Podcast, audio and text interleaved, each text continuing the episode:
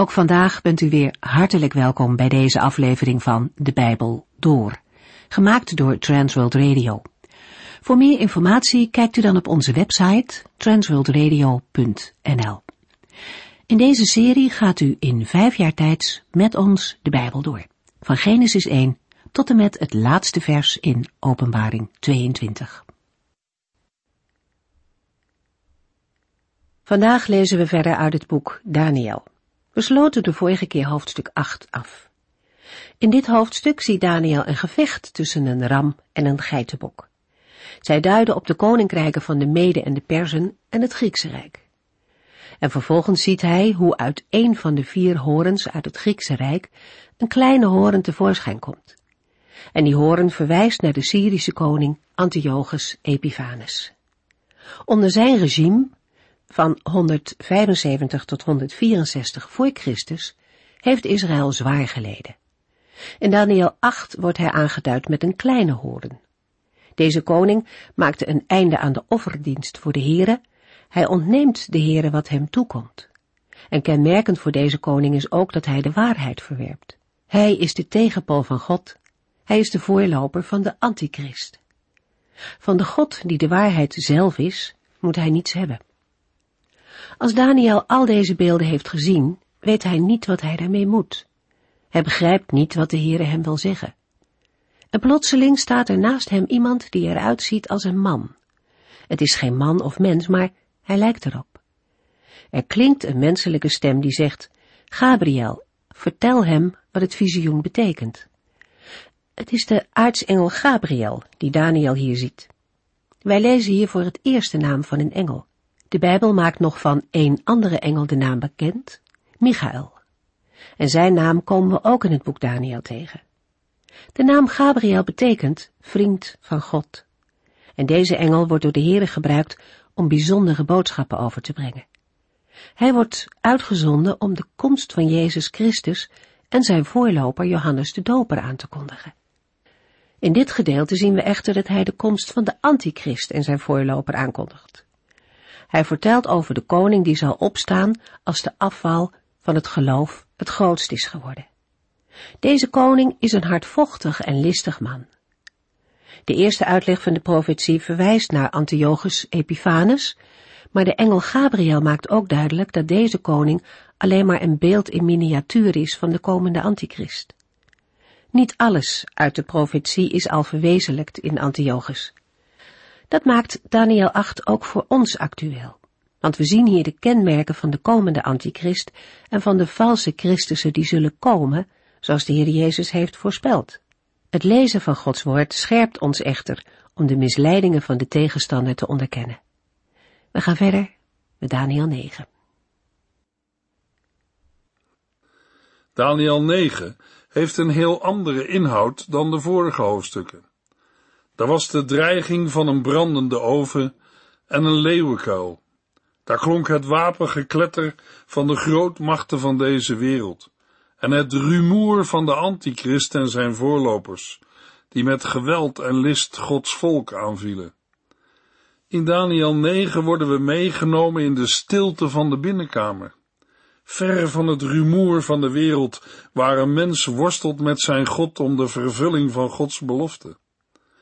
Menselijk gesproken is het allemaal niet zo spannend. Misschien moet ik wel zeggen, ook niet zo interessant.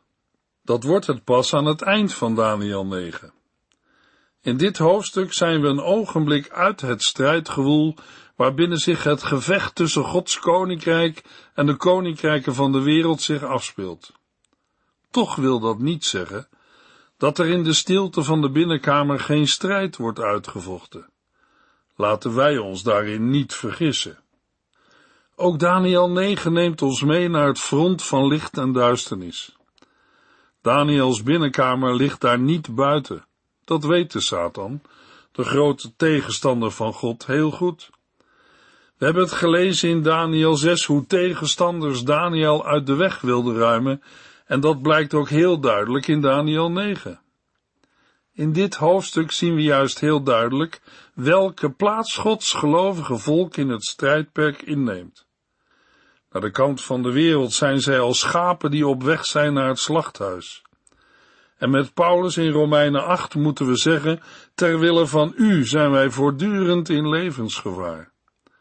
Maar naar de kant van God gezien zijn zij strijders die een eigen plaats en taak hebben in de geestelijke strijd.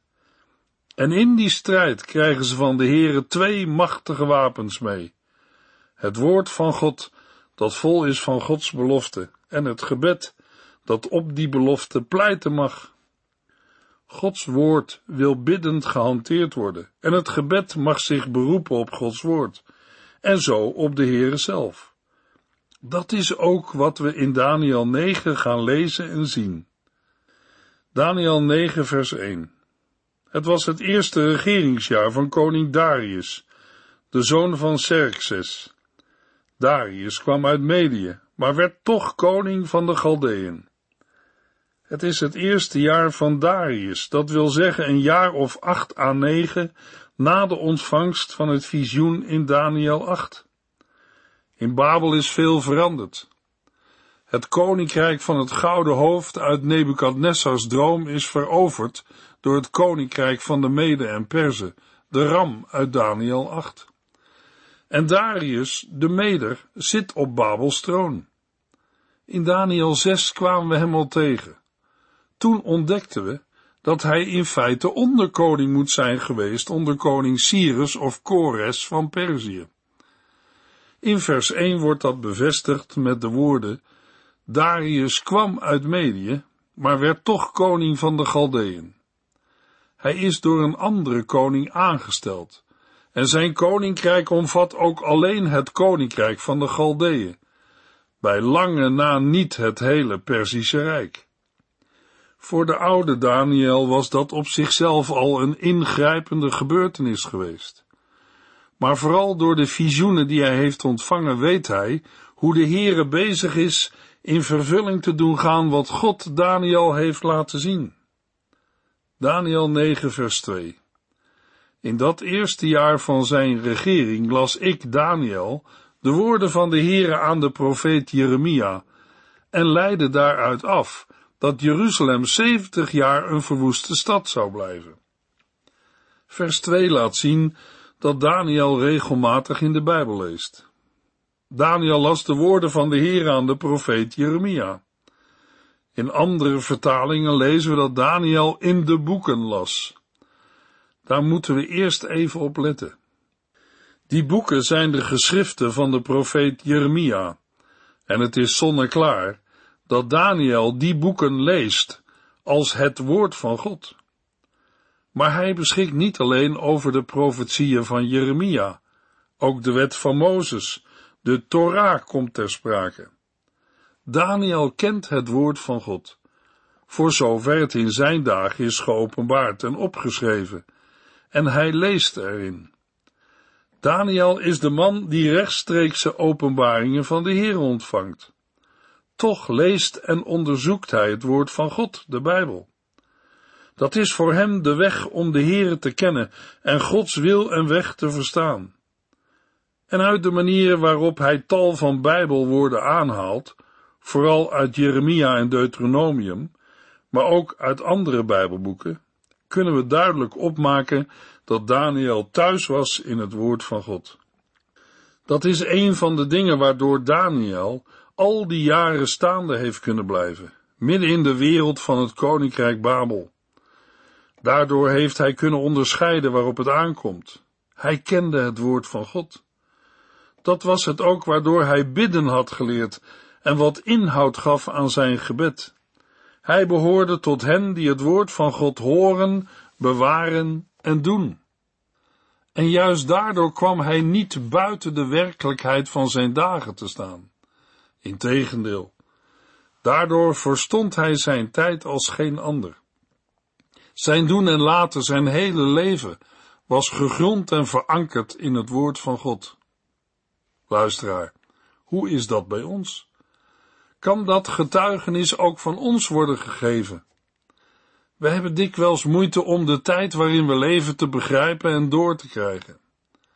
Het leven van Daniel laat zien, de opening van Gods woord geeft licht op het pad van ons leven. In Psalm 119, vers 105 lezen we: Uw woord is een stralend licht dat mij de weg door het leven wijst. Wij vinden het vaak moeilijk om woorden te vinden voor een gebed. Daniel laat in Daniel 9 zien, wie leeft bij Gods woord, krijgt daaruit woorden en zaken voor zijn gebed aangereikt. Al lezend in de profetieën van Jeremia valt er voor Daniel licht over de tijd waarin hij leeft. Daniel leest Jeremia 25 vers 11 en 12. Dit hele land zal een verlaten wildernis worden. Israël en haar buurlanden zullen 70 jaar lang onderworpen zijn aan de koning van Babel. Daarna, wanneer de 70 jaar van slavernij voorbij zijn, zal ik de koning van Babel en zijn volk voor hun zonde straffen. Ik zal het land van de Galdeën voor altijd in een woestenij veranderen. En hij leest Jeremia 29 vers 10 en volgende verzen. Dit is de waarheid. U zult 70 jaar in Babel blijven. Maar daarna zal ik komen en alle goede dingen voor u doen die ik heb beloofd, en u weer naar uw vaderland terugbrengen. Vers 12. Als u tot mij bidt, zal ik luisteren. Vers 14. Ik zal mij door u laten vinden en een einde maken aan uw slavernij en u daarna weer terugbrengen naar uw vaderland. U begrijpt dat deze woorden Daniel hebben aangesproken. Babel is al verslagen en bijna zeventig jaar zijn voorbij gegaan sinds Daniel gevangen werd weggevoerd naar Babel. Het is duidelijk, de tijd van de ballingschap loopt ten einde. Als Daniel Gods woord er niet bij had genomen, dan had hij dat nooit ontdekt. Dan was die belofte als dood kapitaal in de schatkamer van het woord van God blijven liggen. En wat gaat Daniel nu doen met het woord van de Heere dat hij heeft gelezen? Goed dat wij daarop letten, want er zit ook voor ons een heel stuk geestelijk onderwijs in. Daniel 9 vers 3 en 4 ik begon de Heere God te smeken een eind te maken aan onze ballingschap. Terwijl ik bad, vastte ik. Ik droeg een ruige zak als kleding en bestrooide mijzelf met as. Ik beleed de Heere mijn zonden en die van mijn volk. Heere, bad ik, u bent een grote en onzagwekkend God. U bent trouw in het nakomen van uw belofte. U bent genadig en goed voor de mensen die u lief hebben en uw geboden naleven. Daniel gaat bidden en herinnert de Heer aan zijn belofte. Misschien had u dat niet verwacht. Hadden wij verwacht dat Daniel direct zijn koffers had gepakt en in een hoera-stemming naar zijn volksgenoten was gegaan? Dat hij hen gezegd had, mensen, de tijd is om, we gaan naar huis, God heeft het gezegd. Nee, Daniel gaat bidden. Hij gaat de Heere vragen om de vervulling van Gods beloften. Daniel gaat ook niet werkloos zitten wachten of het gebeuren zal. Hij wordt werkzaam met Gods beloften. Hij bidt. Gods beloften drijven hem naar de binnenkamer, dringen hem ertoe om het aangezicht van de Heere te zoeken, precies zoals het in Jeremia 29 staat. De beloften van de Heere zijn de pleitgrond voor Daniels gebed. Zo gaat het altijd. Bidden doet een mens niet uit zichzelf. De Heere leert ons bidden en hij doet dat door zijn beloften, waarmee hij ons werkzaam maakt. In Psalm 119 vers 41 lezen we, Ik bid dat u mij uw goedheid en liefde laat ervaren, Heere, en bevrijdt u mij zoals u hebt beloofd. Gods beloften maken het gebed niet overbodig. De Heere vervult zijn belofte juist in de weg van ons bidden, van ons gelovig pleiten op zijn beloften.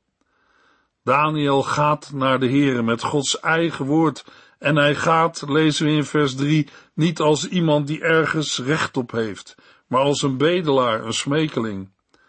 Met zijn vasten beleidt hij alles verspeeld te hebben. Gekleed in zak en as toont hij zijn verdriet en berouw over zijn zonde. Als we vervolgens gaan luisteren naar de inhoud van Daniels gebed, dan is het eerste wat opvalt dat Daniel zich richt tot de God van het verbond met Israël. Here, U bent een grote en ontzagwekkende God. U bent trouw in het nakomen van uw beloften. U bent genadig en goed voor de mensen die u lief hebben en uw geboden naleven. Tegenover de wereld spreekt Daniel van God als de Allerhoogste, de Schepper, de Almachtige, die alles regeert en bestuurt.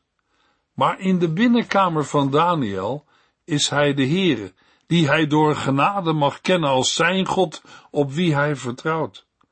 Zijn aangezicht mag Daniel zoeken. In het gebed van Daniel zit iets van dichtbij zijn en van afstand, iets vertrouwelijks, maar ook eerbied en respect. De Heere die een vader wil zijn voor zijn kinderen, maar ook een God van wie wij nooit aards en kleinmenselijk mogen denken. Daniel 9 vers 5 en 6 Wij hebben gezondigd en overtredingen begaan. Wij hebben ons goddeloos gedragen en zijn ongehoorzaam geweest. Wij hebben uw geboden naast ons neergelegd. We hebben niet willen luisteren naar uw profeten die in uw naam hebben gesproken tegen onze koningen, vorsten, voorvaderen en het hele volk. Het eigenlijke gebed begint met schuldbelijdenis. Verootmoediging door het beleiden van schuld is kenmerkend voor een oprecht gebed. Het is geen formaliteit. De schuld is nood en wordt door Daniel gevoeld. Dat blijkt uit de verschillende woorden die hij gebruikt. Wij hebben ons goddeloos gedragen en zijn ongehoorzaam geweest. Wij hebben niet willen luisteren naar uw profeten. En de oorzaak van dit alles ligt in ongehoorzaamheid. Zonde is ongehoorzaamheid, niet luisteren naar wat de Heere zegt in zijn woord. Wat daarbij ook opvalt, is de manier waarop Daniel zichzelf erbij betrekt. Hij is een van de weinige personen in de Bijbel van wie geen persoonlijke zonden zijn beschreven. In de gelezen verse is Daniel zelf aan het woord, en terwijl wij er vaak de grootste moeite mee hebben om onze eigen zonde en schuld te beleiden, en het vaak lang duurt voordat wij echt eerlijk worden voor de Heere, buigt Daniel zich onder de schuld van anderen en zichzelf. Hij bidt, wij hebben ons goddeloos gedragen en zijn ongehoorzaam geweest. Wij hebben niet willen luisteren naar uw profeten. Daniel weet dat er ook in hem geen goed woont en dat hij niet kan bestaan als de Heere met zijn heilig licht op Daniels leven schijnt. Met het woordje wij deelt Daniel in de schuld van anderen. Maar hij neemt die schuld niet over. Dat kan hij ook niet. Hij heeft de handen vol aan zichzelf. Door Gods genade kan hij wel voorbidder zijn, maar geen borg voor anderen. De Bijbel laat zien dat er maar één borg en zaligmaker is, namelijk de Heer Jezus, die voor zondaars gebeden en geleden heeft. Hij is meer dan Daniel. Vandaar dat Daniel in zijn gebed ook anderen noemt, onze koningen, vorsten, voorvaderen en het hele volk. Hij schaamt zich met hen voor God. Hij zegt, hoe hebben wij zo kunnen doen? We hebben tegen de Heere gezondigd, en dat is niet iets van de laatste jaren, maar dat heeft al wortels in een ver verleden. Daniel 9 vers 7 en 8 Heere, u bent rechtvaardig, maar wij schamen ons over onze zonde. Ja, dit geldt vandaag de dag voor zowel de mannen uit Juda als voor de inwoners van Jeruzalem en heel Israël. Het geldt voor iedereen, of we nu ver weg of dichtbij wonen, of naar welk land u ons ook hebt verdreven vanwege onze ontrouw aan u. Here, wij en onze koningen, vorsten en vaders schamen ons diep over onze zonde tegen u. Daniel zegt, wij hebben niet geluisterd naar de woorden van de Heere. Daarom ging het in het verleden verkeerd en gaat het nog steeds verkeerd. Daniel denkt daarbij niet alleen aan de mannen van Juda en Jeruzalem, maar ook aan heel Israël. Ook aan dat deel dat al lang was weggevoerd. Daniel zegt, dit geldt vandaag de dag voor heel Israël. Het geldt voor iedereen. naar welk land u ons ook hebt verdreven vanwege onze ontrouw aan u. Daniel bidt, wij en onze koningen, vorsten en vaders schamen ons diep over onze zonde tegen u. De Heer heeft van tevoren gezegd dat deze dingen zouden gebeuren als Israël zich niet bekeerde. En ondanks alle waarschuwingen zijn ze toch gewoon doorgegaan. De Heere heeft gesproken, maar Gods volk wilde niet naar zijn stem luisteren. Daniel geeft toe dat de Heere volkomen gelijk had om zijn volk te straffen en in ballingschap weg te laten voeren. En wij weten uit andere uitzendingen dat het voor de Heere geen straf was, maar een opvoedkundige maatregel, opdat zijn volk weer naar de Heere en zijn dienst zou terugkeren. Toen het volk ongehoorzaam werd, heeft de Heere hen keer op keer gewaarschuwd. Maar zijn volk luisterde niet en keerde zich niet af van al hun boosheden, en zij smeekte de Heere niet om vergeving en bekering. Daniel bidt een eerlijk gebed. Hij verbergt niets en voert geen verzachtende omstandigheden aan. Naar Gods recht is zijn volk voor eeuwig verloren. Dan lezen we in de volgende verse in Daniel 9 vers 9 tot en met 14. Maar de Heere onze God heeft medelijden en vergeeft ons, hoewel wij hem ongehoorzaam zijn geweest. Wij hebben niet naar de stem van de Heere onze God geluisterd. We hebben ons niet gehouden aan de wetten die u ons door uw profeten hebt gegeven. Ja, heel Israël heeft uw wet overtreden en zich van u afgekeerd door niet naar uw stem te luisteren. Vanwege onze zonde heeft God ons met een vreselijke en door een eed bekrachtigde vervloeking getroffen, zoals die was opgeschreven in de wet van zijn dienaar Mozes. God heeft ons nog zo gewaarschuwd, maar moest tenslotte wel zijn dreigementen uitvoeren. Nog nooit heeft zo'n ramp plaats gehad als die ons en onze overheid in Jeruzalem heeft getroffen. Alle ellende en straf waarover is geschreven in de wet van Mozes, is werkelijkheid voor ons geworden. Maar zelfs toen nog weigerden wij ons te bekeren en zo de Heere van gedachten te laten veranderen. Zijn waarheid vonden wij niet belangrijk. Daarom heeft de Heer ons wel bewust gestraft. Want de Heer onze God is rechtvaardig in alles wat hij doet. Maar wij wilden niet naar hem luisteren. En toch heeft Daniel grond voor een ootmoedig gebed. De grond voor dat gebed vindt hij in de Heere zelf. In vers 9 zien we dat voor het eerst. Maar de Heere onze God heeft medelijden en vergeeft ons, hoewel we hem ongehoorzaam zijn geweest. In vers 18 wordt dat nadrukkelijk herhaald. Daniel kent de Heere. Hij weet dat God zich in zijn woord ook openbaart als de barmhartige. Gods barmhartigheid wordt niet opgewekt door iets buiten de Heere. Hij is in zichzelf barmhartig. Vanuit die innerlijke bewogenheid ziet de Heere naar zondige mensen om. Vanuit zijn innerlijke bewogenheid komen eeuwige gedachten van vrede bij hem op. Hij doet ons niet naar onze zonden en vergeldt ons niet naar onze ongerechtigheden. Het Nieuwe Testament laat zien hoe de Heer Jezus uit die barmhartigheid van God opkomt en hoe in hem Gods liefde en barmhartigheid zich ten volle heeft geopenbaard. Daniel weet, bij deze God is vergeving. Met deze barmhartige God is nog nooit iemand beschaamd uitgekomen. Wie de Heere zo aanroept in de nood, als Daniel in zijn gebed, die vindt een God groot van goede tierenheid en trouw.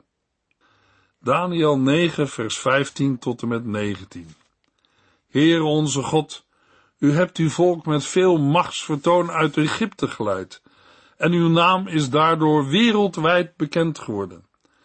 Wij hebben gezondigd en goddeloos geleefd. Heere, laat toch ter wille van uw gerechtigheid, uw toorn tegen uw eigen stad Jeruzalem uw heilige berg worden afgewend.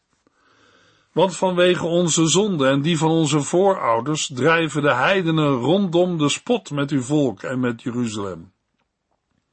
Onze God, luister naar het gebed van mij, uw dienaar. Luister naar mijn smeken. Laat uw gezicht genadig oplichten over uw verwoeste heiligdom, ter wille van uzelf. God, luister toch naar ons, kijk naar onze miserabele toestand. Kijk eens hoe de stad waaraan uw naam verbonden is in puin ligt. Wij smeken u dit niet omdat wij zelf zo goed zijn, maar op grond van uw grote barmhartigheid voor ons. Heere, luister toch. Heere, vergeef ons toch. Doe iets, Heere, stel uw hulp niet uit. Ik vraag het te willen van uzelf, mijn God, want uw stad en uw volk zijn verbonden met uw naam. In de versen 15 tot en met 19 lezen we eindelijk wat Daniel de Heere wil vragen. Te midden van een herhaalde schuldbelijdenis en een beroep op wie de Heere zelf is, vraagt Daniel, Heere, vergeef ons toch. Want als de Heere dat doet, dan betekent dat het herstel van Israël, de herbouw van Jeruzalem en de vernieuwing van de tempel. Het is opvallend dat wat Daniel te vragen heeft, maar zo'n klein stukje van zijn gebed uitmaakt. Hij zegt heel precies wat de nood en ellende van hem en zijn volk is. Maar verder legt hij de zaken eenvoudig aan de Heere voor, als een mens die niets verdient en toch veel verwacht. Als er maar een einde komt aan Gods toorn, dan komt het goed. Daniel vraagt om datgene wat zondags in de christelijke kerk aan het eind van de eredienst als zegen van de Heere op de gemeente wordt gelegd. Laat uw aangezicht genadig oplichten over ons. In Daniel 9 herinnert Daniel de Heer aan de bevrijding van Israël uit Egypte. Hij vraagt de Heere om dat te herhalen door Israël weer te bevrijden en thuis te brengen. In de volgende uitzending lezen we het antwoord van de Heere op Daniels gebed. U heeft geluisterd naar De Bijbel Door, in het Nederlands vertaald en bewerkt door Transworld Radio. Een programma waarin we in vijf jaar tijd de hele Bijbel doorgaan. Als u wilt reageren op deze uitzending of u heeft vragen, dan kunt u contact met ons opnemen. Tijdens kantooruren kunt u bellen op 0342 47 8432. 0342 47 8432. Ook kunt u een e-mail sturen naar de Bijbel door at transworldradio.nl en natuurlijk kunt u ook via de post ons bereiken. TWR, postbus 371, postcode 3770, AJ in Barneveld. Dit programma werd gepresenteerd door Cor Weda en Ike André. Techniek was in handen van Odin van Voerkom. En wij allemaal bedanken u voor het luisteren. Graag tot de volgende keer.